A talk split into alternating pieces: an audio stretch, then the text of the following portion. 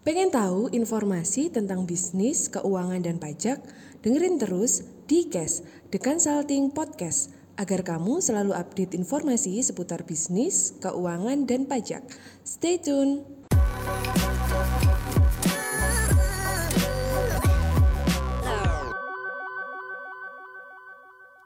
Hai guys, apa kabar teman-teman semua? Semoga selalu sehat, selalu diberkatin ya buat teman-teman ya di mana pun berada. Uh, hari ini kita akan live ya guys dengan uh, narasumber luar biasa ya buat teman-teman yang selalu ikutin acaranya The Ngopis ya. Mesti tahu ya.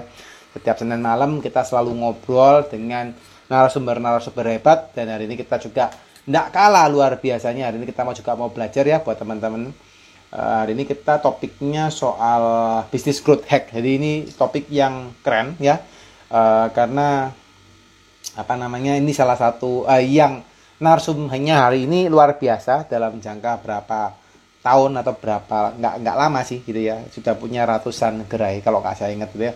Dan hari ini kita akan belajar ya gimana sih caranya kita uh, ini ya uh, bisa hack uh, pertumbuhan bisnis anda gitu ya. Terutama untuk fokus ya how to focus on your strength to build a great business. Jadi bagaimana Anda bisa fokus terhadap kekuatan bisnis Anda untuk bisa uh, mengembangkan atau membangun bisnis Anda lebih lagi. Ini luar biasa. Jadi topik hari ini keren banget sih guys. Gitu guys, yuk tanpa berlama-lama kita akan undang hari ini. Uh, saya panggil, saya bacakan dulu profilnya ya, profilnya beliau. Jadi hari ini kita akan ngomong dengan Pak Nasir Alim ya. Pak Nasir, Nasir Alim adalah founder dari Dawat Kemayu. Ya teman-teman kalau penasaran searching langsung ya cari karena sekarang zaman digital ya. Langsung saja cari Pak Nasir Alim ya founder Dawat Kemayu dan UM, UKM Growth Formula ya. Jadi ini beliau kelihatan juga salah satu mentor ya kalau ada UKM Growth Formula. Teman-teman boleh belajar ya juga untuk dengan ya, beliau ya. Oke, tanpa berlama-lama saya lihat tadi kok kelihatannya Pak Nasir sudah hadir. Nah, saya coba anu ya Oh, harusnya iya sini sudah hadir. Saya coba invite dulu ya. Halo Pak Nasir. Ya, halo Pak kabar? Halo, halo, halo, halo, halo. Salam kenal, salam kenal. Dedi. Ya, ya kabar baik, kabar baik. Thank you Pak for uh, proving our our invitation ya. Thank you sudah accept invitation kami untuk ngobrol di acara The Ngopis hari ini ya. Senang banget kemarin sempat di uh, infoin dari Bu siapa? Uh, aduh tiba-tiba saya hilang ingatan. Ya Bu Nilam ya kemarin ya. ya. Terus dikasih nomornya bapak dan wah tuh very very very apa appreciate pak untuk bapak bisa nyempatin hadir untuk ngobrol hari ini di yeah, acara uh, Denobis dan uh, ini saya yakin dan percaya pengalamannya bapak pasti ditunggu pak sama teman-teman ya. Karena teman-teman di Denobis ini seneng dengerin ceritanya daripada narasumber pak. Terutama yeah, yeah, yeah. kisah hidup uh, kisah suksesnya jatuh hmm. bangunnya, tips-tipsnya. Hmm. Wah, ini yang penting nih supaya teman-teman hmm. juga semangat gitu ya dan mau ya, ya. berjuang ya. bersama-sama gitu ya. Ya, ya, ya. Oke. Okay. Siap, siap, siap, Ini posisi di kota mana nih Pak Nasir? Eh, Jogja, sorry, Pak. Pak panggil panggilannya Pak Nasir atau Pak Alim? Uh, Pak Biasanya. Alim, Pak. Oh, Pak Alim ya. Siap, siap. Ya. Saya panggil Pak Alim ya. Ini ya. berarti posisinya di Jogja ya Pak Alim ya? Jogja. Pak Dedi di mana nih? Oh, saya di Surabaya. Surabaya. Oh, Surabaya. Surabaya. Waduh. Surabaya. Sering, sering juga ke Surabaya aku, Pak. Eh, mampir dong Pak. Kalau ke Surabaya iya. kontak-kontak. Nanti kita iya, bisa iya, iya. makan atau dinner atau lunch bareng gitu ya. Iya. Hei, mantap, saya mantap. perlu belajar banyak juga sama Pak Dedi nih. Eh, sama-sama. Hari ini saya belajar lagi Pak, hari ini. saya moderatornya saya hari ini saya belajar nih. Nanti hari ini saya minta izin tanya banyak ya Pak ya. Oh, Mewakili ya, teman-teman nih. ya, ya, ya, ya. Saya juga nanti mau tanya banyak juga sama Pak Dedi ini. siap, siap, siap, siap, siap. Bisa sekeren Pak Dedi ini. Waduh, gitu ya. Siap, tapi aku harus belajar dulu ya Pak Nasir hari ini. Oke, oke, oke, oke, oke. Ya, ya. Pak Nasir, eh Pak Nasir, Pak Alim, nah ini, jadi uh, kondisinya kalau kita di acara hmm. kopi sini kita tidak melulu ngomongin soal apa ya uh, tips-tips atau ngomongin hmm. soal uh, judul gitu ya tapi kita seneng kalau misalnya narsum narasumber itu bisa berbagi juga cerita gitu ya, ya karena ya, ya, kalau ya. di luar itu yang hmm. banyak disampaikan itu kan biasanya kisah hebatnya saja kisah ya. suksesnya saja tapi hmm, hmm. nggak banyak teman-teman tuh yang tahu gitu ya uh, ya, gimana benar. sih susahnya membangun sebuah bisnis gitu ya Pak ya. Kelihatannya wow udah udah gede gitu.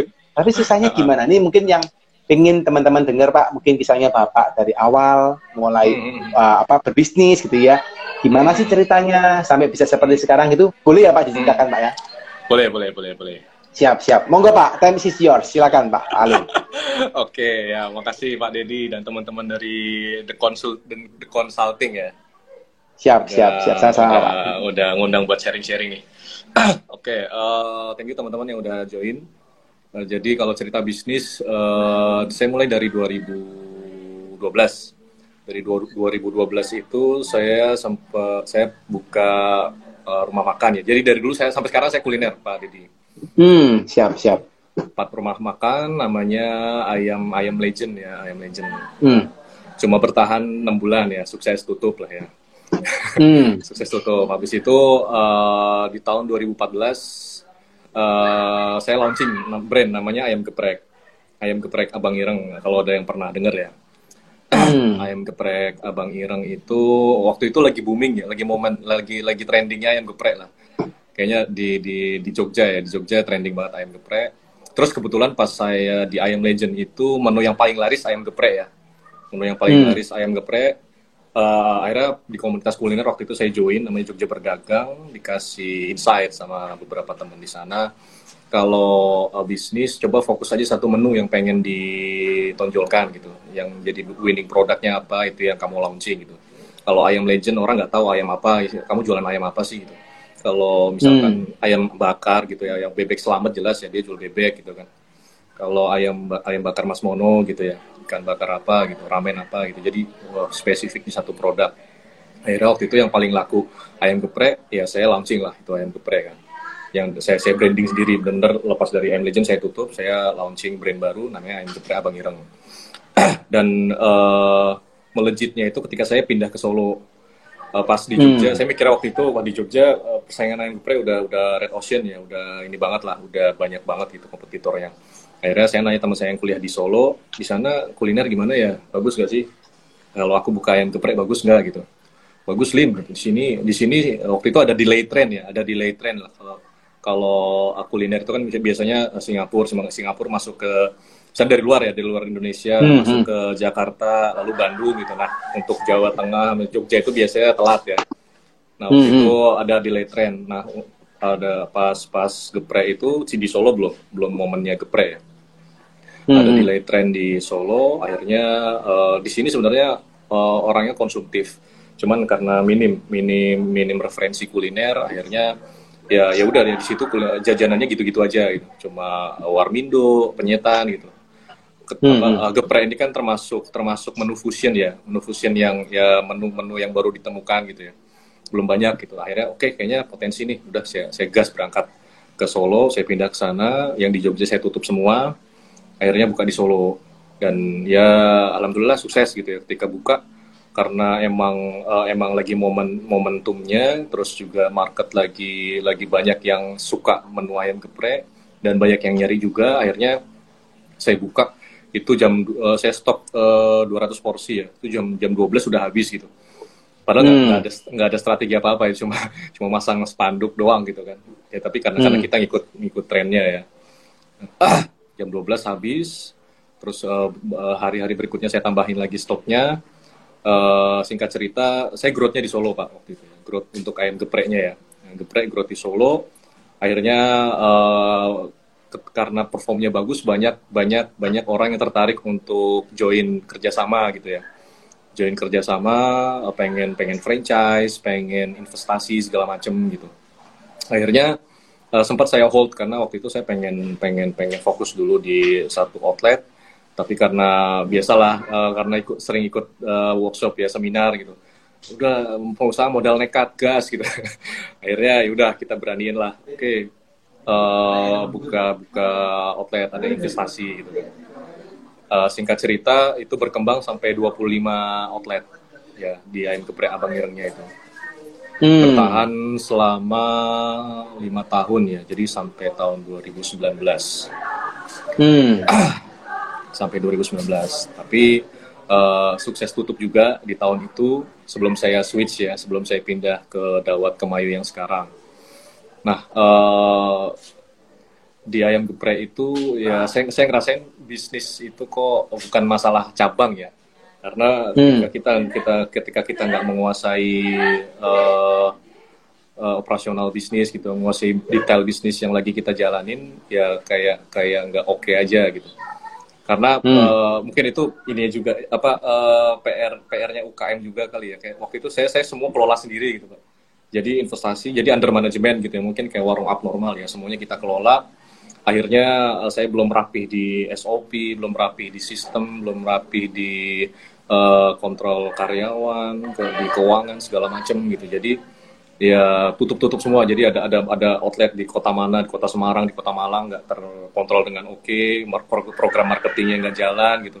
Jadi ya oh, cuma buka berapa lama habis itu tutup tutup gitu hmm. artinya artinya artinya uh, ketika kita emang nggak nggak nggak nggak passion ya nggak passion ya atau nggak nggak menguasai yang kita lagi jalanin bisnis itu ya ya kayaknya nggak bakal nggak bakal running well gitu ya. Ya bakal running well. 25 outlet tutup semua gitu pak. Hmm. karena itu tadi karena itu tadi semuanya saya yang kelola gitu.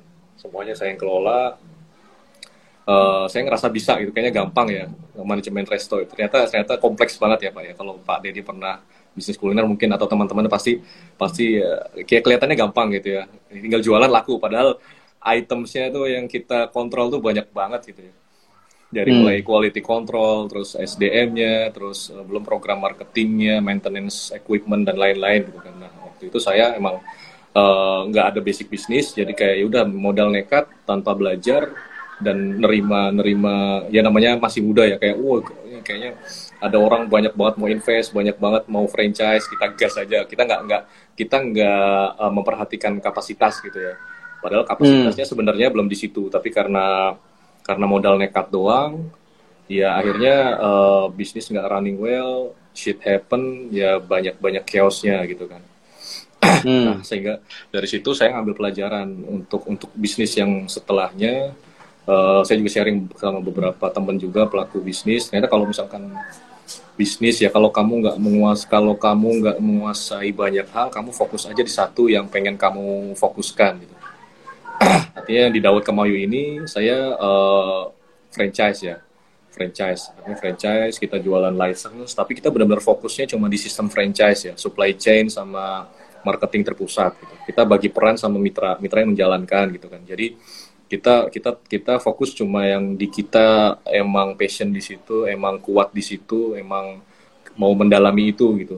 Nah mungkin kebanyakan UKM susah growth karena semuanya mau dikerjain sendiri gitu. Dari mulai produksi dari mulai uh, macam-macam lah ya. Produksi marketing ngurusin SDM gitu. Kalau emang tim kita kuat kapasitasnya kuat ya mungkin bisa ini ya bisa bisa bagus jalannya. Tapi kalau kita ada lemah di satu bidang ya itu kayaknya kita uh, perlu kolaborasi gitu ya atau dalam istilahnya di kuliner itu ada ya vendor maklun gitu ya Nah, waktu itu pas di hmm. semuanya saya kelola sendiri dari dapur pusat, saya produksi tepungnya, saya produksi sambelnya, saya marinasi ayamnya gitu. Jadi banyak banget di kepala saya yang harus saya urusin kan belum saya ngurusin marketing gitu kalau sekarang di bisnis yang dawet ya saya lebih lebih lebih lebih enjoy karena saya semua fokus gimana ini sistem franchise bisa sistem franchise bisa jalan bisa oke okay, terus apa uh, supply chain ke para mitra lancar marketing dari pusat juga bisa tersupport untuk para mitra itu fokusnya di situ. Jadi untuk yang lain kita berbagi peran dengan mitra.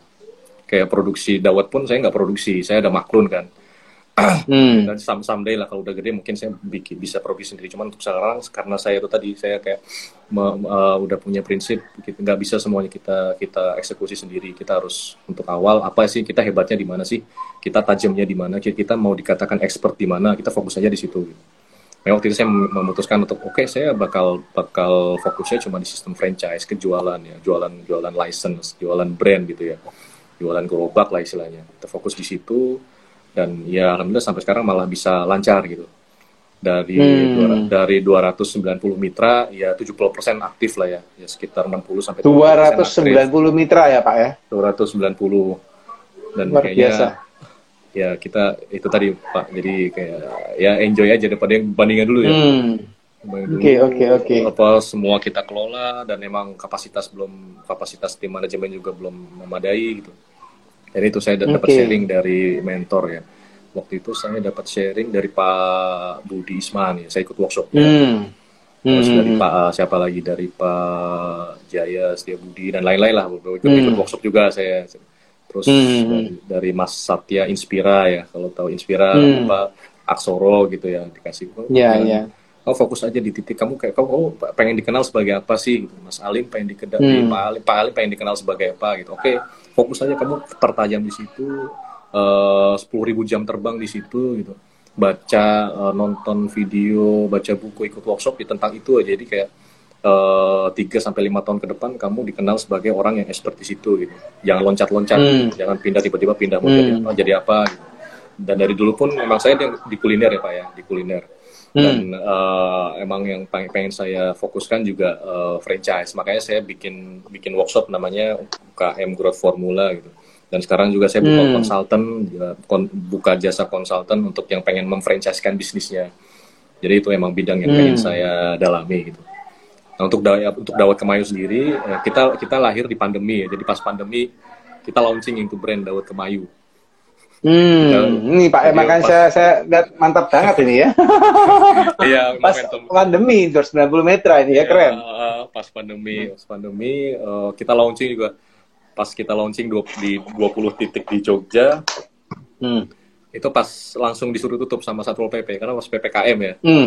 Yes, yes, yes, PPKM yes. gitu. Jadi emang Hmm. wah challenge-nya di awal itu karena kita udah konsep nggak tahu juga bakal ada ya kita nggak ada yang tahu pak ya ada pandemi segala macam. Hmm, Sudah hmm, konsep udah jadi kita udah sempet test market ikut beberapa bazar kuliner di Jogja gitu ya di Jogja sama Solo Semarang kita ikutin semua artinya kita eh, saya sebelum launching Dawet ini saya perlu perlu riset dulu ya perlu tes pasar lah tes produk Hmm. segala macam apa eh, market nerima nggak sih produk kita gitu. Nah setiap saya ikut eh, festival pameran bazar kuliner ya alhamdulillah apa da- produk-produk kita lumayan laku gitu. Jadi sampai bahkan sampai ada yang sampai ada yang pengen eh, nanya ini gimana sih saya mau buka ini di Magelang bisa nggak? Saya mau buka ini di Bandung bisa nggak? Gitu. Wah, jadi oke kayaknya oke nih kayaknya udah ready untuk kita scale deh scale up gitu. Hmm. enam bulan enam bulan saya buka dulu di Jogja punya saya sendiri setelah enam bulan baru saya iklankan franchise Hmm. gitu. Dan waktu itu kenapa saya milihnya dawet? Ya kalau di Jawa Barat, di Jabodetabek cendol mungkin ya, cendol dawet sama ya, cuman beda nama, Hmm. beda beda penyebutan aja ya. Karena dari Hmm, dulu hmm. cendol dawet itu bukan bukan minuman musiman ya, dari dulu sampai sekarang masih ada gitu. Ya kan beda Hmm. sama mungkin ya seri sapi lah atau es kepal Milo gitu ya. Trennya Hmm. cepet cepet cepet cepet naik, cepet turun juga gitu.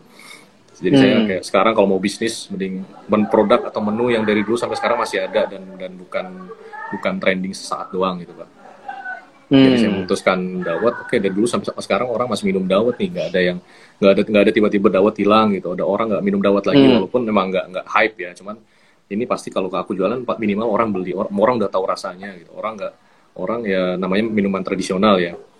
Nah, waktu itu Hmm, pas hmm, pas geprek juga saya saya berkaca juga kemarin evaluasi oh ayam geprek itu saya cepat naik ya karena waktu itu emang hype banget ya pak ya trending di mana-mana oh Hmm. geprek orang suka buka geprek di mana-mana gitu kan orang orang jualan Hmm. ayam geprek eh, di mana-mana ada menu ayam geprek sampai KFC launching menu geprek sampai Hmm. McD launching menu geprek jadi naik itu cepet banget tapi mungkin ya karena karena cuma trending sesaat habis itu ya oh iya orang orang udah biasa gitu jadi kayak orang jual Hmm. ya biasa gitu ya mungkin sekarang masih Oke. bagus sih masih bagus cuman ya itu tadi kenapa saya memutuskan eh, untuk eh, jualan ke produk yang long term yang umurnya panjang gitu ya karena saya pengen produk minimal produk saya kalau launching itu pasti ada orang yang beli lah pasti orang udah tahu oh, rasanya kayak gini gitu Hmm, hmm, hmm.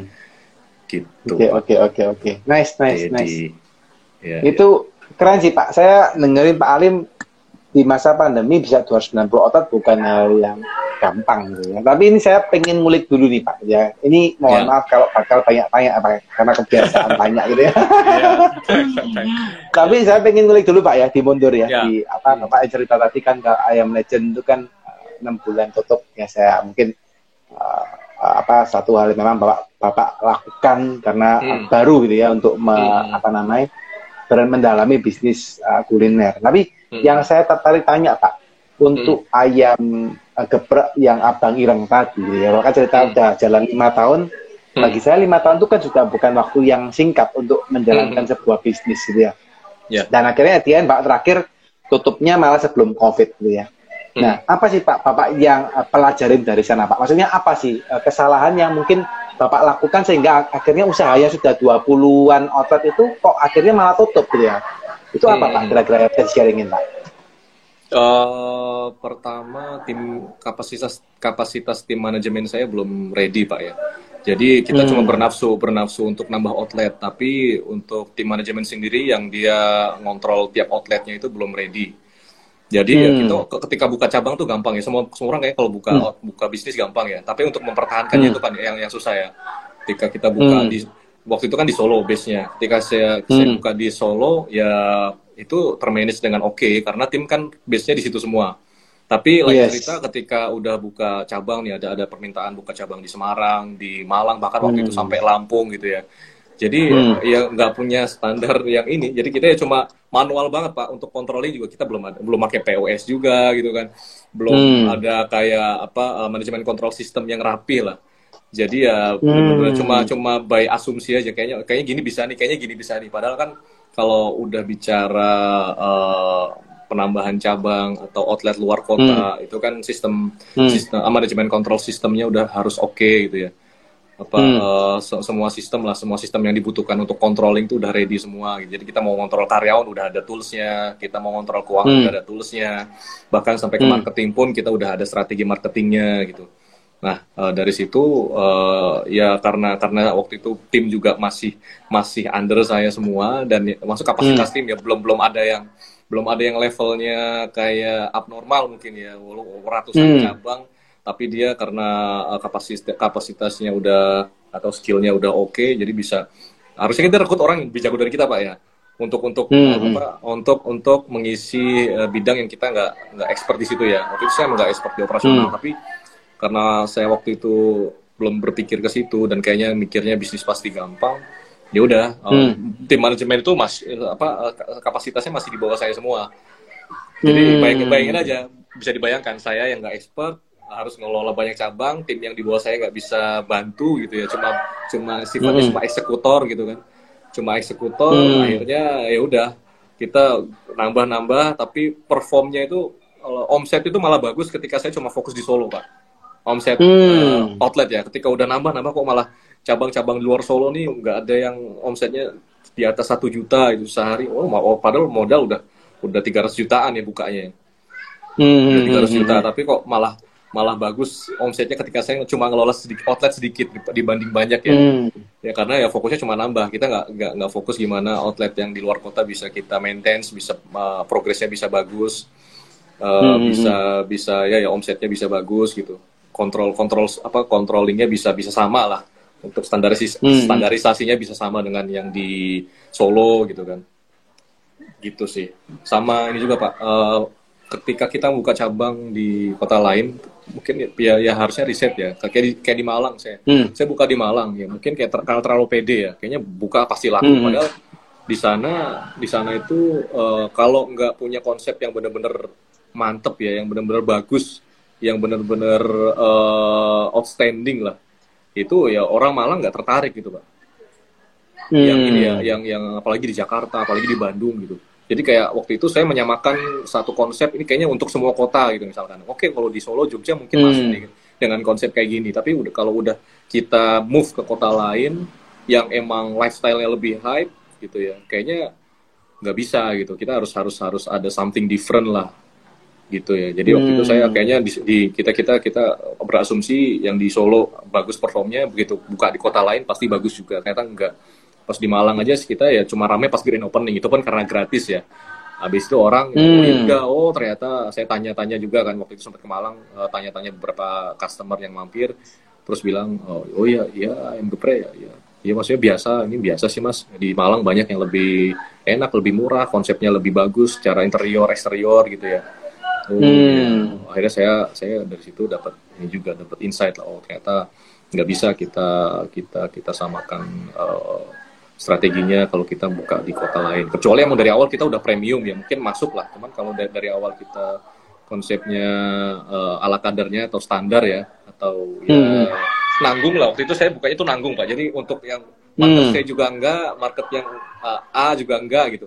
Jadi kayak ya itu tadi hmm. akhirnya saya saya saya dapat juga di sini. Oh kita kalau kalau market nanggung tuh kayak susah kita kayak abu-abu gitu pak ya. Kita mau hmm. kalau nggak murah-murah sekalian eh, warung-warung sekalian kalau premium, hmm. premium sekalian gitu jelas hmm. kalau hmm. nanggung, nanggung tuh kayak itu tadi yang saya rasain di geprek sih kayak kita masih menanggung banget nih uh, konsep outlet juga bagus enggak jelek enggak gitu ya hmm. tuh bisa dibilang uh, enak enak enak banget juga enggak enggak enak juga enggak gitu jadi kayak hmm. murah murah banget juga enggak mahal juga enggak gitu jadi nanggung gitu jadi kayak ya itu tadi pak ketika emang konsepnya nanggung ya enggak enggak hasilnya juga enggak oke okay.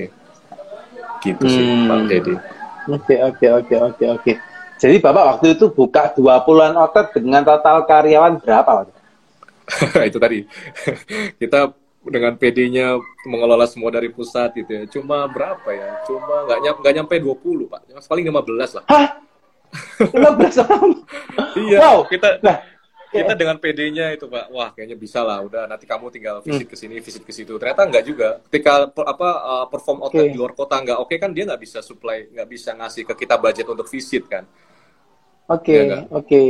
Tapi ya, itu akhirnya, kita kemitraan kan Pak ya sama orang lain kan ya? Uh, ya investor, jadi kita yang kelola Pak. Oh, oke. Okay. Kita Tapi kita yang kelola.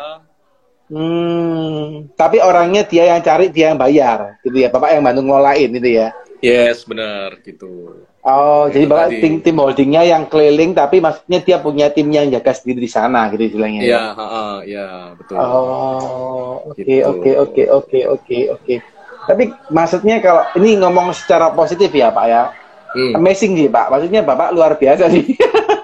20 outlet dan, woi keren. Maksudnya secara secara ini kalau kita ngomong positifnya gitu ya, dalam yeah. artian Pak belajarin kapan hari di ayam geprek ayam ayam apa abang ireng ya. Hmm, hmm. Itu enggak banyak sih. Maksudnya uh, bahasanya kalau saya boleh katakan tuh pengusaha itu kan boleh bon, boleh apa harus namanya uh, bonek gitu Pak ya ya. harus kalau bahasanya di Surabaya itu bonek itu bondo nekat gitu ya atau ya, apa berani gitu ya dan ya. itu it maksudnya bapak melakukan itu kan saya gitu kan. hmm. kan keren keren keren keren hmm. oke okay, tapi itu itu maksudnya udahlah maksudnya dalam artian bapak kan sudah sudah ini ya sudah sudah selesai karena kondisinya hmm. tadi ya bapak seringnya bapak berjuang mati-matian hmm. by yourself gitu ya hmm. nah, habis itu uh, terakhir sudah lima tahun give up hmm. dan akhirnya di di ini ya itu dua puluhan outlet itu akhirnya benar-benar shutdown ya Pak? Atau gimana? Yang bertahan cuma yang di Lampung. oh masih ada Pak sampai sekarang Pak? Masih ada. Yang di Lampung itu akhirnya saya lepas. Tadinya under manajemen kita. Hmm, hmm Cuman hmm. karena saya udah udahlah aku udah kayak udah apa ya istilahnya udah mungkin capek ya dan kayaknya nggak terasa yeah, yeah, yeah. ya kayak uh, bisnis sudah nggak udah ketika bisnis sudah nggak ngasih keuntungan ya ngapain dipertahankan gitu nggak usah baper hmm. kan banyak orang hmm. orang baper ya wah ini bisnis yang kurintis gitu yeah, tetap yeah, dipertahankan yeah. kalau saya mah ya bisnis kalau udah nggak ada profitnya dan menggerus terus malah ngapain kita pertahankan yeah. di Lampung yeah, itu yeah. saya lepas karena ya saya, saya, saya waktu itu, itu itu yang di Lampung teman saya jadi kayak oke okay, dia dia dia bisa ngelola nih dia bisa mempertahankan hmm. bisnisnya udah aku license aku kasih saya saya kasih ke dia aja hmm. nah dia dia yang kelola okay. malah bagus gitu jadi okay. mungkin waktu itu harus pak kayaknya uh, eh, PR-nya itu tiap-tiap cabang harus ada leadernya gitu ya. Harus ada leader hmm. harus ada PIC-nya lah untuk mempertahankan outlet. Waktu itu nggak ada pak. Jadi ya pusat leader dari pusat semua. Di, di tiap-tiap cabang itu nggak ada. Nggak ada yang okay. ada manajernya lah. Padahal kan penting okay. banget ya penting banget itu. Oke. Okay. berarti bahkan yang di Solo pun sekarang sudah sudah shutdown ya pak di Solo ya? Iya total di Solo total ada tujuh tutup semua Oh, oke, okay, oke. Okay. Karena efek juga pandemi kemarin kan pastinya ya. Iya, tapi sebenarnya sebelum pandemi udah tutup sih karena wah ini Oh, sebelum pandemi sudah tutup. Uh, pelan-pelan kok makin turun, makin turun kita hajar strategi marketing apa pun juga nggak nggak ngaruh juga gitu. Bisnis sulit berkembang dan bingung untuk mulai memperbaikinya dari mana. Segera check up bisnis Anda sekarang juga dengan tools kami yaitu Bisnis Check Up Tools yang bisa Anda dapatkan di academy.theconsulting.id.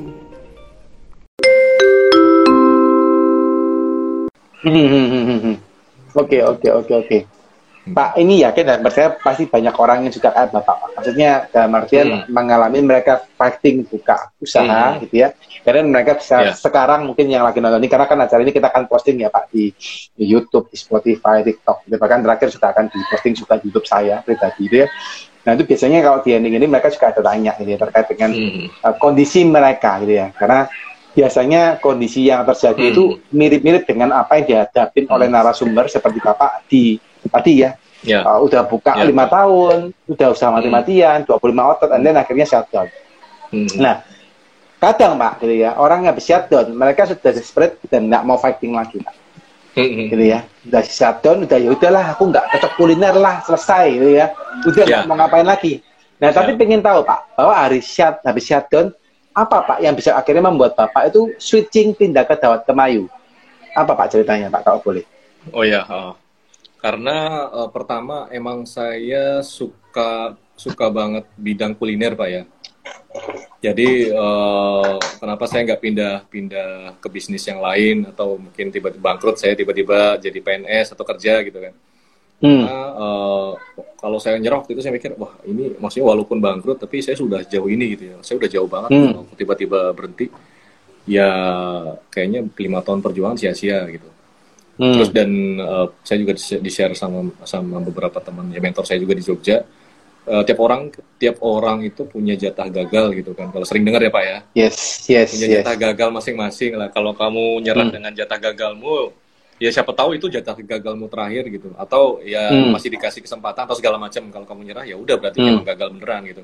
Kamu uh, hmm. apa endingnya endingnya gagal gitu. Tapi kalau hmm. kamu percaya uh, someday bakal habis jatah gagalmu dan kamu bakal bakal nemuin bisnis yang emang bisa sustain, bisa bisa artinya oke okay nih bisnis bisnis yang bisa aku jalanin, bisa aku andalkan untuk untuk kehidupanku, untuk manfaat buat orang lain gitu kan.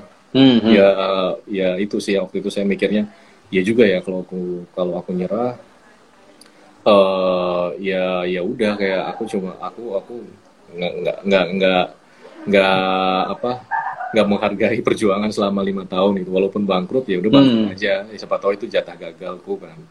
Akhirnya switch ke dawet dan salah satu motivasi motivasi saya juga begini pak. Jadi kayak orang itu bisa kenapa aku enggak gitu kan. Saya waktu itu benchmarkingnya ke free milk ya. Nah, kalau tahu free hmm. milk ya. Ya minuman Thai tea gitulah.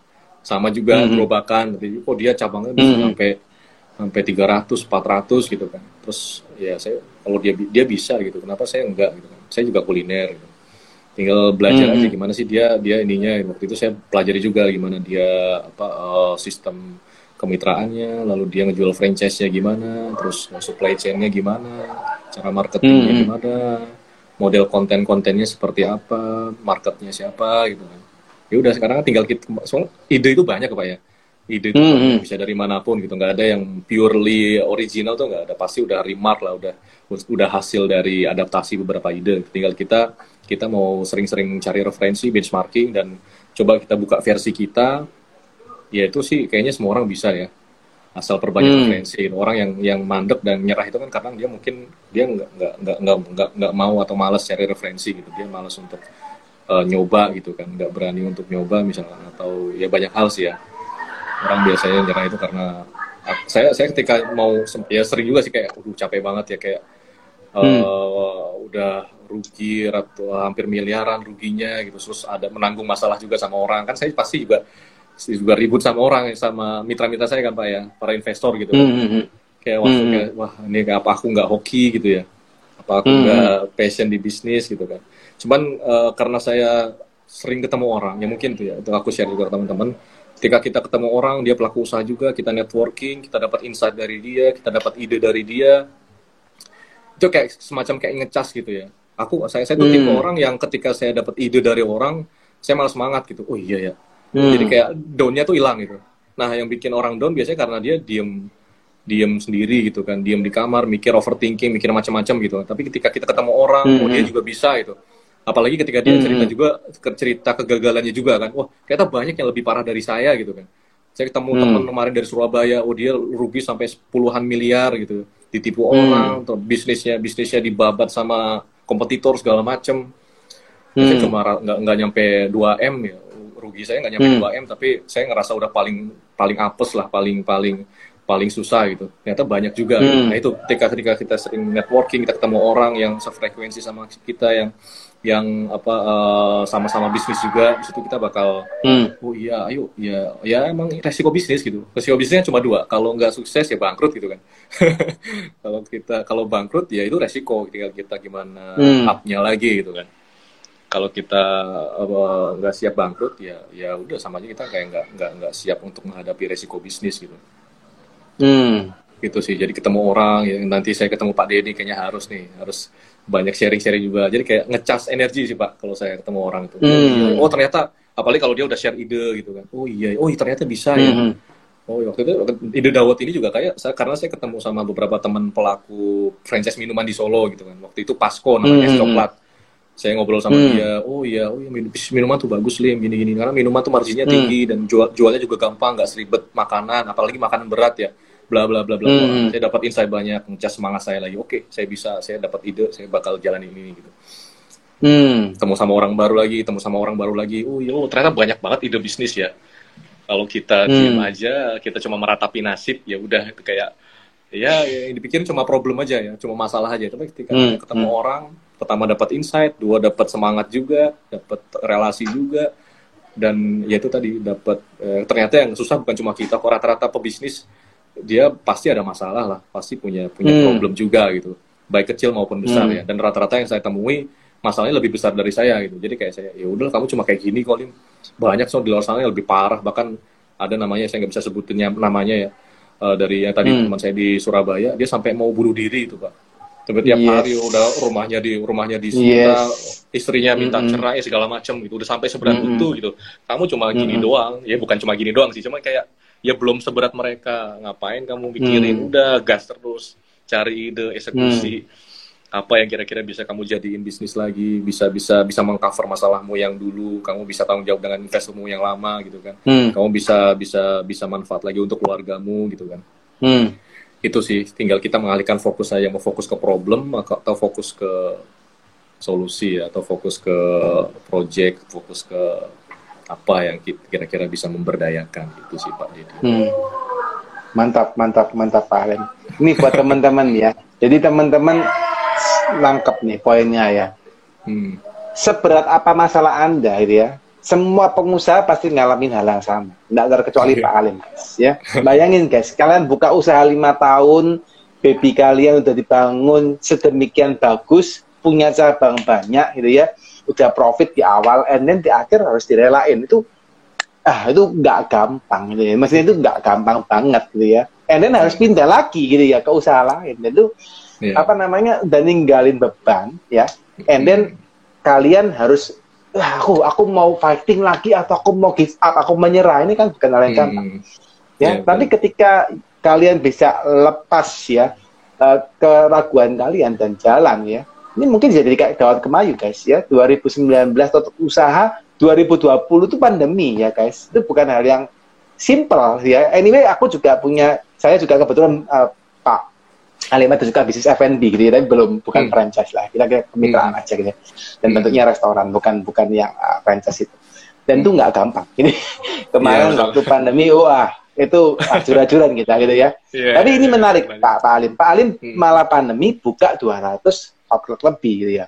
Nah, Iya. boleh nggak Pak diceritain Pak, biar teman-teman juga punya inspirasi gimana sih apa strategi atau apa hal yang dilakukan Pak Alim gitu ya.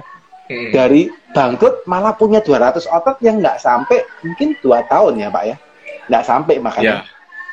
Nah, itu gimana Pak? Boleh nggak ceritain Pak? Monggo, monggo. ya. Ah, jadi waktu itu ya eh, ambil pelajaran dari yang ayam geprek ya. Eh, Hmm. Dari bisnis yang sangat kompleks, akhirnya saya nyobain ternyata bisnis kalau kalau bisa eh, dengan dengan dengan konsep yang simple, kenapa harus yang kompleks gitu kan? Akhirnya Hmm. saya per, per per apa ya istilahnya kita per kecil skala bisnisnya, sistemnya juga lebih simple gitu kan. Eh, artinya bisnis ini eh, bisa dijalankan sama siapa pun gitu pak Hmm. ya kan nah waktu itu momennya pas pandemi ya Pak Deddy mungkin tahu banyak orang yang di PHK ya Pak ya Yes, banyak orang yang yes. diberhentikan, dicutikan, dirumahkan Mm-mm. segala macam gitu. Nah, mereka butuh nih, mereka butuh apa? Butuh kegiatan lah untuk untuk income Mm. mereka kan, karena mereka ya nggak tahu digaji apa enggak nih sama sama perusahaan. Kalau perusahaan gede mungkin iya, cuma kalau kayak mereka masih kerja di startup atau kerja di eh, perusahaan-perusahaan yang bukan perusahaan besar gitu kan, eh, mungkin banyak juga yang nggak digaji kan ya. Akhirnya mereka Hmm. punya tabungan dan dari situ malah eh, banyak tuh banyak banyak banyak permintaan franchise dari situ pak jadi Hmm. ah, itu banyak banyak kayak pilot ya pramugari pramugara terus eh, orang bank banyak atau kayak mungkin ada, ada beberapa orang kerja di perusahaan swasta segala macam banyak yang dirumahkan akhirnya lihat iklan kita ya mereka Hmm. tertarik oh ya nih dengan kemitraan yang nggak terlalu mahal ya waktu itu kemitraan saya cuma 7 Hmm. juta udah dapat udah dapat gerobak udah dapat peralatan segala macam mereka udah Hmm. bisa ju- jualan gitu ya. Jadi kayak kita ngasih solusi ya. Ngasih solusi ke Hmm. mereka. Ini loh daripada kamu nganggur ya nggak tahu digaji apa enggak coba yuk kita jualan dawet bareng-bareng gitu. Hmm, hmm.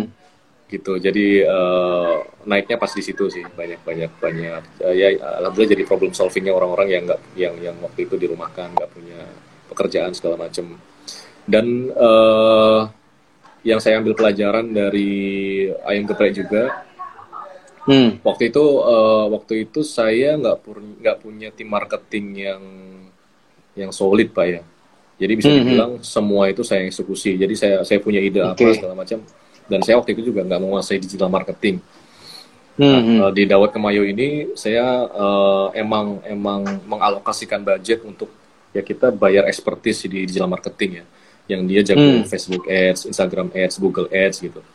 Dan dari situ saya mulai oke kayaknya sekarang udah eranya semua jualan apa pun online ya. Ya Hmm. untuk untuk bisa untuk bisa oke nih penjualannya di online ya saya harus kalau saya belajar sendiri mungkin bisa cuman kayak text time ya belajar digital marketing Hmm. kayaknya eh, lama juga ya untuk untuk bisa jago ya dan saya juga Hmm. apa orang yang orang yang ketika mau belajar sesuatu nggak bisa cepet ya saya harus harus lama lah akhirnya saya shortcut saya rekrut saya apa cari-cari waktu itu kolaborasi dengan dengan pihak ketiga yang yang dia emang expert di digital marketing dan Hmm. waktu itu saya juga saya belajar dari DIM Gepre juga waktu itu saya nggak punya tim konten atau tim kreatif yang yang benar-benar uh, capable ya jadi asal ya tadi Hmm. semuanya cuma cuma ada ide dari saya akhirnya saya menyadari itu nggak bisa semuanya kamu yang eksekusi kamu harus kolaborasi kamu harus rekrut orang yang expert gitu yang dia ngehandle uh, apa posisi-posisi yang krusial kayak marketing, digital marketing, kreatif itu kan untuk penjualan online uh, perlu banget ya, perlu banget kita Hmm, hmm. punya punya tim yang expert di situ. Akhirnya saya hire, bayar mahal nggak apa-apa, tapi yang penting uh, performnya bagus gitu. Ya, bayar orang digital Hmm. marketing, saya bentuk tim konten, satu leader yang dia emang yang emang kepengalaman di konten kreatornya bagus gitu. Eh, ya udah da- saya combine dua hal itu plus saya juga rekrut orang yang jago di operasional kan. Saya yaitu dari belajar Hmm. dari pengalaman dari yang geprek saya operasional juga nggak jago.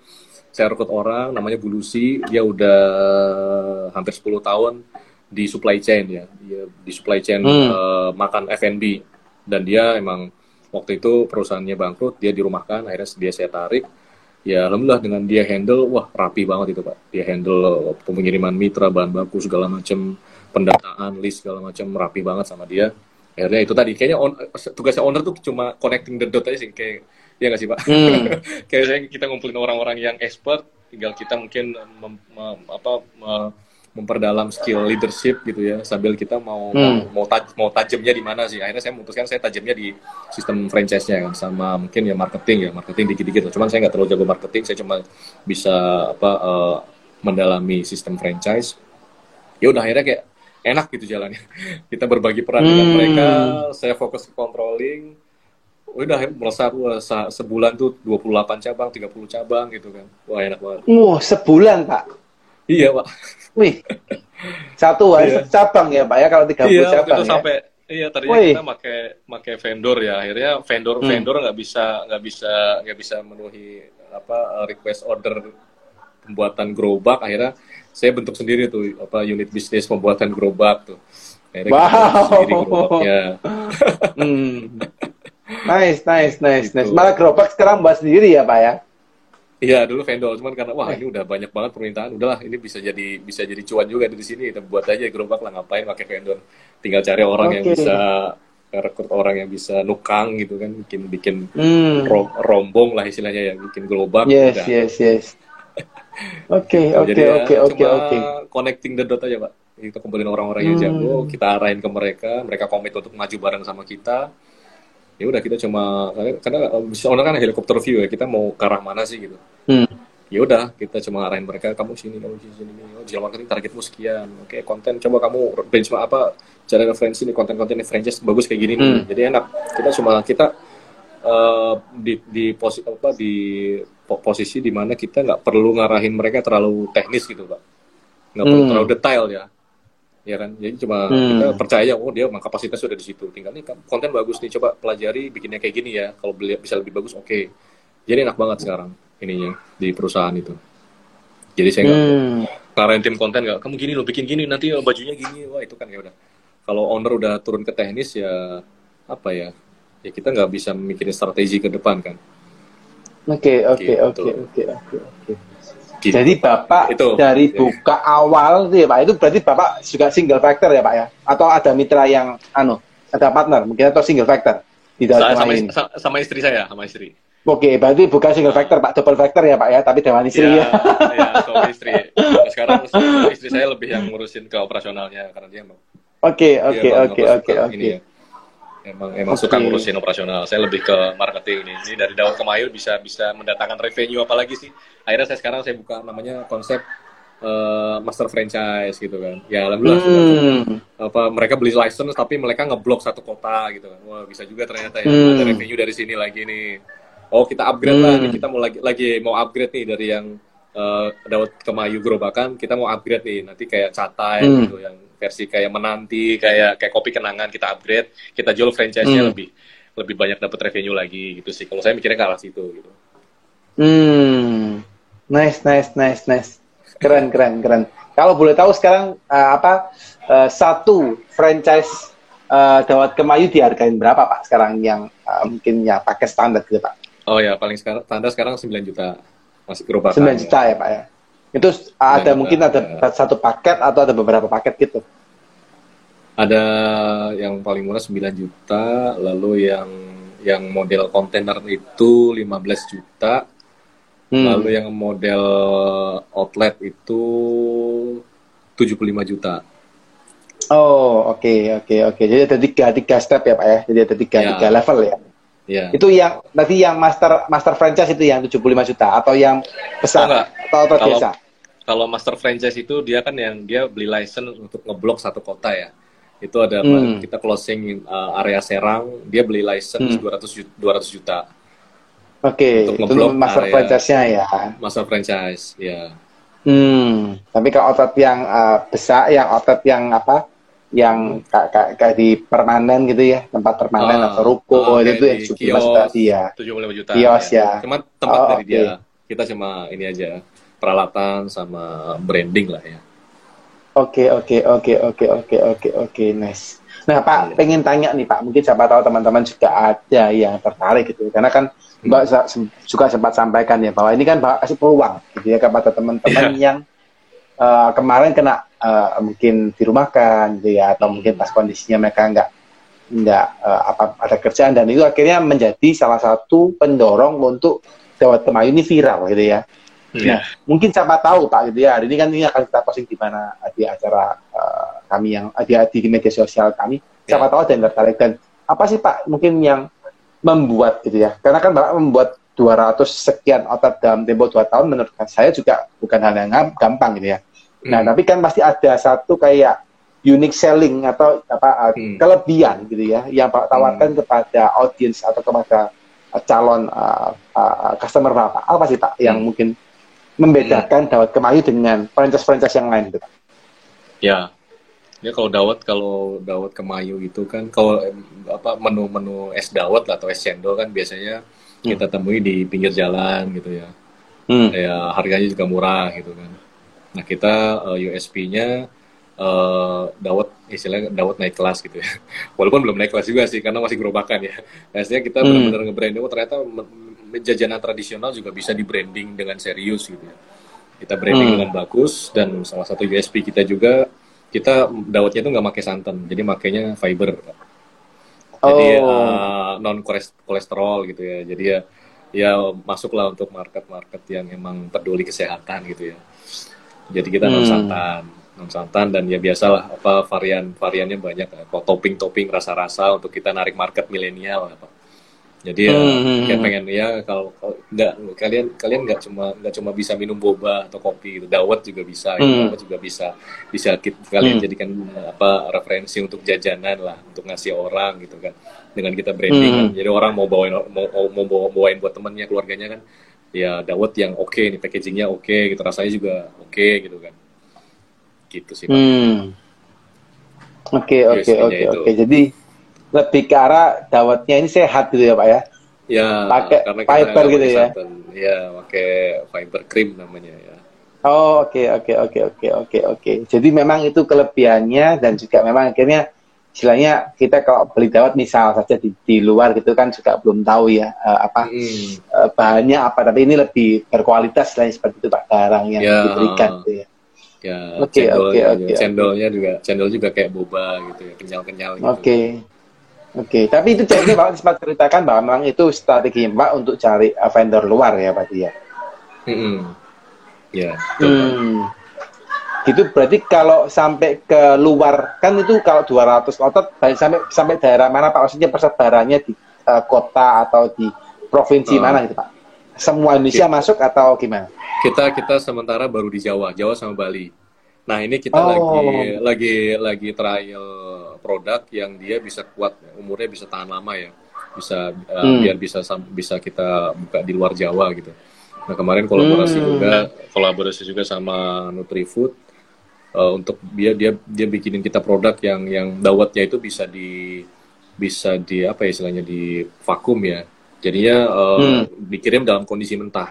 Sampai cabang itu Hmm. masih bisa diolah lah. Dan umurnya lebih panjang gitu ya. Bisa sampai bulanan tahunan. Nah kalau yang sekarang kan dawetnya masih fresh pak. Jadi kita kirim ke mitra pun ya kondisi fresh. Nggak bisa tahan lama Hmm. gitu. Cuma cuma satu minggu umurnya. Nah sedangkan kalau kita mau Hmm. ekspansi keluar Jawa dan daerah yang jauh itu kan harus bahan baku harus aman dulu ya. Umur apa uh, Hmm. umur umur umur bahan bakunya harus panjang ya. Jadi ya gitu. Hmm. sebelum, sebelum saya memutuskan untuk launch di luar Jawa ya ini harus kita selesaikan dulu sih. Eh, harus kita selesaikan dulu masalah ini gitu. Masalah untuk ketahanan bahan baku. Karena permintaan untuk luar Jawa tuh banyak banget pak. Saya sampai pusing ngejelasinnya ya udah sampai 300 lebih lah yang pengen buka gitu. Wow. waiting listnya cuman wah maaf ya pak bu kita belum bisa nih karena bahan bakunya belum Oh, mohon ditunggu aja kita lagi nyiapin uh, pengganti cendolnya nih biar uh, bisa tahan Hmm. lama sampai ke tempat bapak ibu nggak rusak gitu ya kayak boba ya boba itu kan dikirim kalau uh, orang bisnis boba kan bobanya kan kering ya pak ya di press gitu kan Hmm. Hmm. jadi nyampe Hmm. nyampe nyampe resto nyampe resto atau nyampe tempat tuh masih direbus gitu kan ya itu dia Hmm. bisa tahan sampai berbulan-bulan bahkan mungkin tahunan ya karena ya kondisinya kondisi dikirim uh, mentahan gitu kan kalau udah matang kan rekom Hmm. gitu sih pak Hmm, oke oke oke oke oke. Jadi memang bahan-bahannya semua masih terpusat ya Pak. Tapi istilahnya ya istilahnya strateginya Bapak kan istilahnya nggak lagi uh, kirim barang uh, mentahan gitu ya.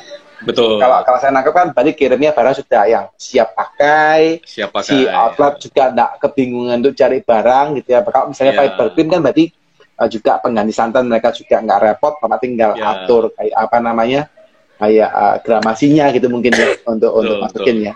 Hmm. Berarti outlet cuma boleh beli gula gitu ya? Atau apa mungkin yang di outlet? outlet oh kalau itu semua kita supply sih pak kayak uh, gula cendolnya sama fibernya juga kita sup- kita supply sama packaging ya nah itu masuk Oh, oke, oke, masuk oke.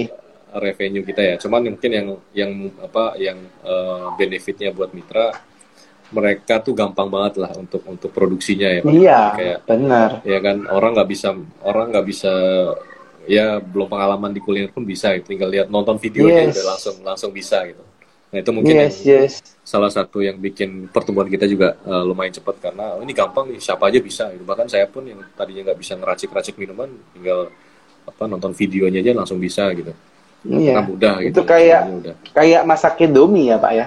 ya betul kayak masak Buka, Indomie. tuang, Iya. bikin ke panci gitu ya. iya betul betul betul iya pak jadi kan itu tadi yang memudahkan mitra itu yang bahkan orang Iya, freelance iya, kayak iya, males iya. ya kalau kalau produksinya udah udah ribet kan mereka males ya. Aduh, males nih gitu. Salah satu problem Iya, iya, franchise iya. kan itu ya. Apalagi rata-rata Iya, kan iya. nggak dikelola sendiri kan.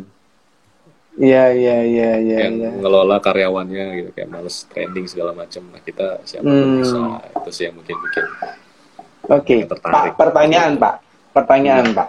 Ini biasanya kalau orang teman-teman nih yang, yang mau franchise itu kan, dia juga akan mempertanyakan, apalagi kalau dibuka. Kan ini sorry ngomong ya Pak ya, banyak orang itu kan Hmm. mindsetnya itu menganggap, ah aku malas ah beli franchise gitu ya, sebagian gitu ya Hmm. Pak ya. Ya. Karena mereka merasa aku buka franchise nanti ya kalau misalnya laku gitu ya. Kalau nggak Hmm. laku nanti saya sudah bayar franchise mahal-mahal, ternyata produk yang tak jual nggak laku gitu ya. Atau Hmm. mungkin di pasar mereka nggak di daerah mereka nggak laku karena kan mereka nggak bisa melakukan marketing dan kawan-kawan. Hmm. Apa Pak yang dilakukan sama dari Dawat Kemayu head, headquarter-nya Pak? Kalau dari Dawat Kemayu itu kita kan ada aturan ya, Eh, Hmm. ada SOP juga jarak antara mitra satu dan lainnya nggak boleh ya ma- ma- apa minimal 2 kilo gitu ya, biar Hmm, nggak hmm, hmm. biar nggak menimbulkan persaingan gitu. Dan Hmm, hmm, hmm. eh, kita juga meyakinkan mereka ini menu Dawat itu emang menu yang long term, menu yang sustain, Hmm. bukan menu bukan menu musiman gitu.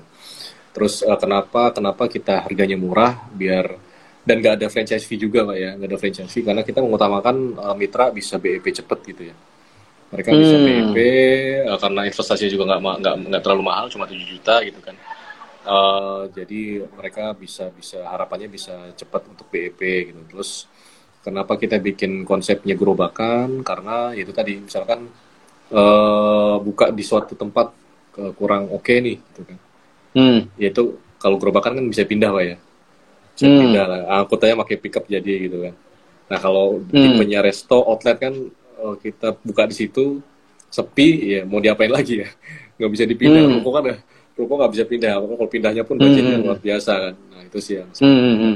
Yang saya ini ke mitra. Terus juga kita bilang ke mereka kalau ini apa marketing itu kita kelola dari pusat jadi juga kita juga Hmm. ada tiap eh, karena tiap mitra yang udah beli franchise kita mereka kita masukkan ke grup pak.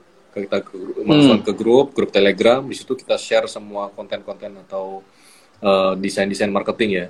Jadi mereka butuh apa Hmm. mereka butuh untuk eh, desain buat promosi apa gitu kan buat mereka tembusin ke mana gitu buat hajatan buat acara segala macam Hmm. mereka free untuk request ke kita.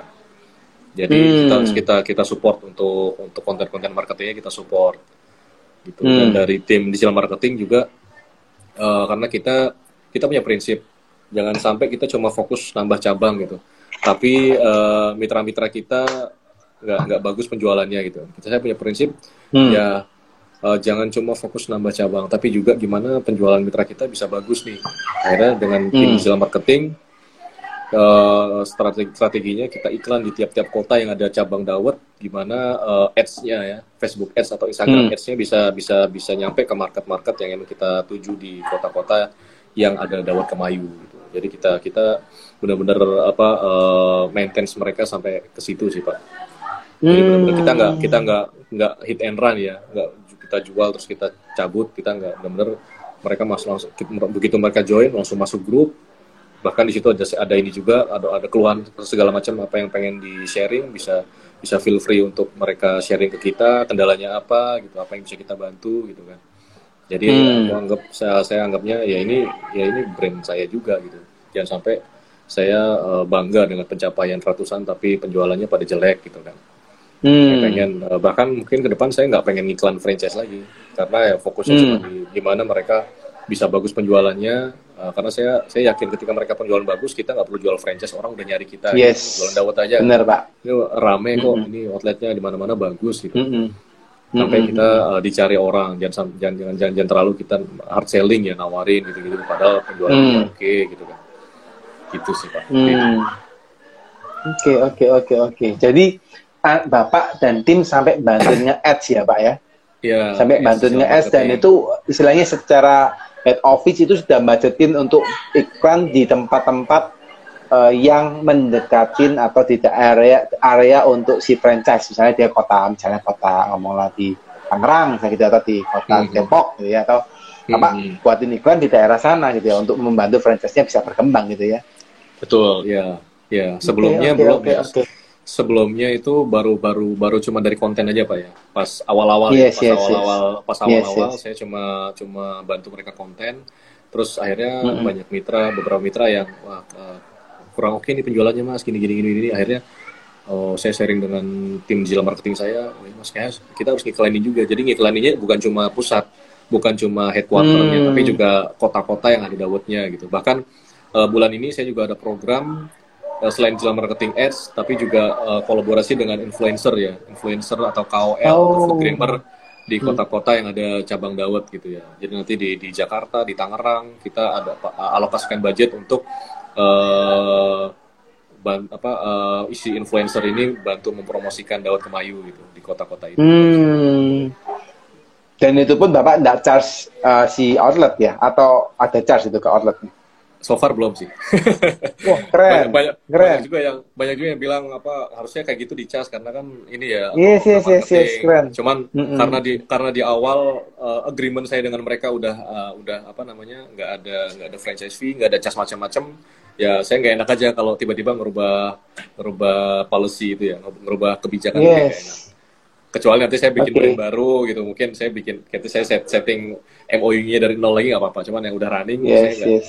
Nggak kayak wah kayak nanti kelihatan banget saya ini ya Ya udahlah mudah-mudahan Oke. kita bantu mereka penjualan bagus akhirnya ke saya juga bagus nih kan artinya saya dapat revenue dari penjualan bahan baku segala macam kan ketika mereka Hmm. bagus pasti feedbacknya juga ke pusat kan Oke, oke, oke. Keren, keren, Pak. Keren, keren. gitu Ini guys ya, jadi ini nggak ada muatan endorse ya. Anyway, nggak ada muatan endorse. Ini true story kita ngomong apa adanya. Tapi aku boleh ngomong guys. Ini jarang saya, saya temuin kalau ketika saya interview ya, eh, apa namanya seorang eh, apa pem- pemilik franchise yang sampai bantuin iklan itu menurutku jarang gitu ya. Dan ini keren banget dengan dengan harga franchise yang menurut saya cukup eh, eh, murah gitu ya. Menurut saya Iya. cukup cukup achievable lah ya dan eh, dari pusat pasti bantuin iklan itu keren sih menurut keren, keren banget sih gitu oke Iya. oke oke oke oke ya oke oke karena apa ya pak ya saya saya saya saya berusaha untuk memposisikan saya sebagai yang beli franchise juga sih pak saya ngerasa kalau saya Iya, beli iya. terus saya nggak dibantu nggak disupport itu kan gak enak ya apalagi saya mungkin ya mungkin sebagai sebagian orang uang segitu sedikit tapi belum tentu juga siapa tahu dia udah sampai jual motor segala macam atau Iya, apa pun iya. ya untuk untuk beli franchise-nya kalau nggak kalau nggak bagus kan kayak ya beban bagi saya sebagai brand owner akhirnya sebisa mungkin Iya. semaksimal mungkin apa sih saya selalu muter otak saya dengan tim untuk bisa support para mitra kita penjualannya biar bisa bagus. Hmm. dan itu juga brand saya. Kalau kalau sustain juga nama Daud Kemayung bagus. Kalau banyak yang tutup juga nama nama kita juga yang jelek gitu kan pak. Ya ya Jadi ya, saya anggap itu sih saya anggap ya ini harus dibagusin. Jangan cuma fokus nambah cabang. Kan sekarang saya benar-benar pengen fokus gimana penjualan mitra bagus semua gitu. Oke oke oke oke. Nice nice pak keren keren keren keren. Pak dengan Ya. pencapaian 200-an outlet ini kan bukan hal yang gampang gitu ya karena kan tuh Hmm. juga kalau saya ngomong di momennya aja juga nggak gampang gitu ya juga sekarang Ya. ngomong jumlahnya juga bukan hal yang gampang gitu ya ya And then uh, uh, uh, uh, apa nih Pak target ke depan gitu ya yang pengen dicapai oleh oleh oleh Dawat Kemayu mungkin 5 3 sampai 5 tahun ke depan Pak. Oke, target kita itu kita pengen bisa bersanding dengan brand-brand brand-brand ya top of mind ya, kayak Chat Time, kayak Menanti, Hmm. kayak Kopi Kenangan gitu. Kita pengen ngangkat ngangkat brand minuman tradisional juga bisa nih. Apple to Apple fighting bukan fighting ya, iya collaborate dengan mereka gitu. Artinya kalau kita udah ada goal ke situ, ya secara secara secara bisnis konsep bisnis model bisnis visual dan lain-lain ya harus proper juga gitu jadi eh, saya lagi bikin eh, blueprint gimana dapat kemayu Eh, kita launching yang versi premium ya 2.0 dan untuk bisa untuk bisa bersanding dengan mereka gitu ya Hmm. udah, udah udah naik level bukan gerobakan ya tapi juga outlet Hmm. eh, counter, counter ya atau konsep-konsep Hmm. yang yang yang eh, yang oke lah maksudnya ketika kita apa eh, konsepnya bagus gitu ya secara Hmm. tampilan booth eh, men- menunya juga oke itu kan orang Hmm. lebih excited ya excited untuk nyobain Hmm. lah untuk mampir ya artinya wah bisa juga ya dapat dibikin bagus kayak gini ya bagus kayak cat time Hmm. menunya menunya varian Hmm. varian menunya juga banyak gitu menu Hmm. tadi tradisional yang cuma bisa ditemui di pinggir jalan akhirnya bisa bisa bisa jadi minuman atau kuliner kebanggaan uh, hmm. Indonesia gitu sih target saya 3 sampai lima tahun ke depan bahkan mungkin bisa sampai apa uh, bisa sampai diinjek oleh venture capital gitu siapa tahu ya Weh, mantap berkapital bisa lah, Pak. Ya, saya hmm. kayak ke Bob Turki ya udah IPO gitu kan Iya iya iya. Bisa ya. IPO jadi benar-benar bisnis yang ya saya saya saya nggak pengen apa bisnis ini selamanya punya saya gitu. Pasti ke depan ya, ketika ya. emang ini performnya bagus bisa bisa benefit untuk banyak orang ya why not untuk kita lepas gitu kan untuk kita lepas hmm. venture gitu, lebih lebih di, dibesarkan lagi orang yang lebih expert dari saya bisa bisa bantu untuk ngegedein lagi gitu kan hmm, hmm, hmm. hmm. keren keren keren keren keren nanti bakal dimasukin series A series B dan kawan-kawan ya pak ya habis itu lari ke IPO ya, nih kayak haus nih ya iya kayak haus ya. Haus tuh progresnya luar biasa ya. Haus tuh. Ya, ya, ya. tapi bapak juga enggak kalah luar biasa pak. Ini keren juga sih. Mantap mantap mantap. Iya iya. Dengan Oke. segala keterbatasan pak. Siap siap. Senang pak dengerin ceritanya bapak hari ini ya. Dan saya yakin dan percaya teman-teman ya uh, pasti yeah, belajar sama banyak ya. Uh, karena teman-teman saya yakin dan percaya pasti pasti dapat sincat ya buat teman-teman ya uh, dari apa yang disampaikan oleh Pak Alim ya satu hal yang memang uh, perlu yang saya notice hari ini ya dari perjalanan hidup seorang Pak Alim adalah uh, never give up ya. Bahwa ketika beliau lima tahun gitu ya bangkrut ya beliau bisa buktikan bahwa kegagalan itu bukan selamanya. Dan kita harus habiskan dari kegagalan anda dan terbukti beliau buka pandemi sekarang sudah 200 outlet guys dan itu bukan jumlah yang sedikit ya. Dan yakin dan percaya pasti akan growing ya karena beliau punya hati yang luar biasa ya. Bantuin mitranya nggak hanya jualan outlet nggak hanya jualan uh, franchise tapi sampai bantuin uh, ads-nya dan kawan-kawan. Gitu. Oke Pak Alim tidak terasa waktu kita sudah satu jam ya. Dan uh, iya, saya terasa ya. uh, menyita waktunya bapak cukup panjang gitu ya. Kan dengar dari oh, cerita iya. apa dengar ada apa suara tertawa itu mungkin bapak di acara keluarga thank you so much untuk acara hari ini pak ya untuk ngobrol hari ini mungkin sama -sama satu satu satu hal terakhir pak mungkin pak yang ingin saya tanyakan bapak adalah uh, bukan bukan pertanyaan tepatnya gitu ya uh, istilahnya satu pernyataan gitu ya terakhir gitu ya. Boleh enggak pak kasih satu uh, quote atau satu uh, motivation gitu ya Pak mungkin dari Pak Alim untuk teman-teman yang nonton acara hari ini atau mungkin yang akan nonton rekamannya nanti Pak. Monggo Pak Pak Alim. Oke, kalau dari saya sih uh, ketika kita mengalami uh, suatu kegagalan gitu, uh, suatu yang nggak menyenangkan gitu, jangan ngerasa sendirian. Banyak yang lebih parah dari kita gitu, banyak yang banyak lebih susah dari kita gitu dan mereka masih struggling, mereka masih fighting dan percaya kalau ya pasti uh, ke depan bakal menemukan sesuatu yang lebih indah lagi gitu ya. Jangan coba meratapi nasib, fokusnya coba switch fokus dari hanya mikir memikirkan problem tapi memikirkan apa yang bisa dilakukan. Peluangnya apa, cari uh, perbanyak networking, ketemu orang gitu. Jadi orang, orang bisnis tuh kayak apa bisnis owner tuh kayaknya tugasnya ketemu orang banyak sih ya, cari insight cari referensi kenalan uh, cari ide gitu. Belanja ide lah jangan cuma belanja hmm. jangan cuma shopping ya tapi kita belanja belanja ide juga. Jangan cuma belanja barang gitu ya.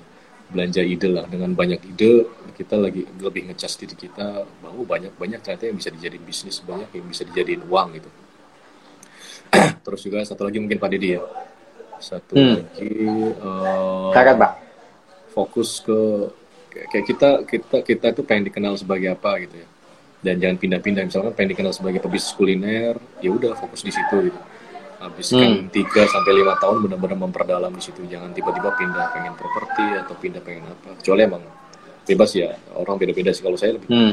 Ya kalau kita belum expert di ini jangan pindah dulu gitu. Sampai kita punya deadline saya bakal fokus di sini lima tahun gitu. Kalau lima tahun nggak oke okay, ya terserah lah tapi kita punya deadline gitu kita pengen dikenal sebagai apa sih? Jadi kayak benar-benar pertajam di situ passionnya di situ uh, belajar banyak tentang bidang yang pengen kita fokus gitu. Habiskan sepuluh ribu jam terbang di situ gitu sampai kita dikenal hmm. oh ya Mas Alim franchise gitu. Pak Dedi uh, Pak Dedi itu motivator apa sih Pak Dedi keuangan saya Pak Bukan Apa? motivator, bukan motivator. Keuangan. Oh. Saya ke di keuangan. Oh keuangan, oh ya. Di keuangan. Oke, orang- Iya. Keuangan, oh ya Pak Dedi keuangan. Sorry Pak, saya belum ini, belum. No worries, Pak. No worries. No worries, no worries nanti, Pak. kita, No worries. nanti kita ngopi-ngopi lah biar lebih kenal lagi. Siap, Pak. Siap, ya, siap, Pak Dedi siap. di keuangan kan gitu ya. Jadi orang oh Pak Dedi, oh ya saya, saya saya pengen saya pengen belajar keuangan langsung ke Pak Dedi gitu kan.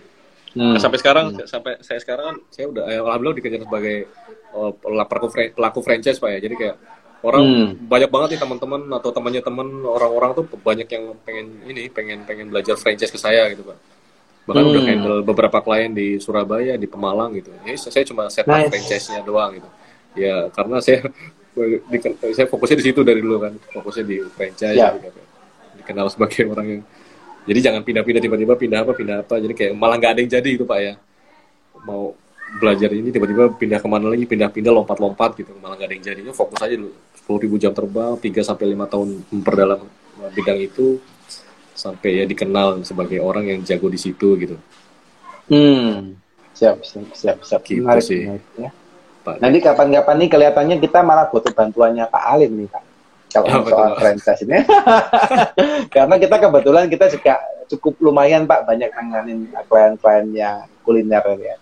Jadi Oh, ini iya. mereka pasti butuh bantuan Bapak kita terkait dengan franchise-nya. Karena kan franchise juga uh, banyak hal yang harus dipikirin gitu ya. Iya betul betul, betul. Siap, Ya, siap, siap. siap siap Oke, bisa mantap Pak Alim. ya makasih Eh, Pak Dedi mantap. Thank you so much sharingnya hari ini Pak Alim ya. ya ya Uh, saya yakin dan percaya masih bermanfaat buat teman-teman ya. Uh, salam Pak buat keluarga tercinta yang lagi Sama-sama, juga Pak uh, di rumah ya. Saya dengerin Ya. suara tertawanya. Saya senang sekali dengerin tuh suaranya itu bocah apa anak-anak gitu ya.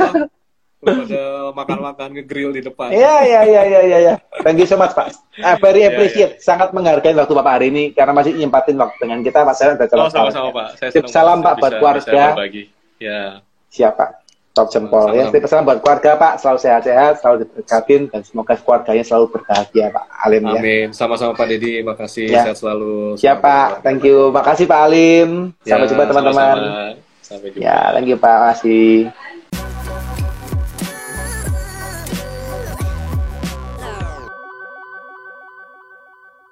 Terima kasih sudah mendengarkan Tikes. Sampai jumpa di episode berikutnya ya.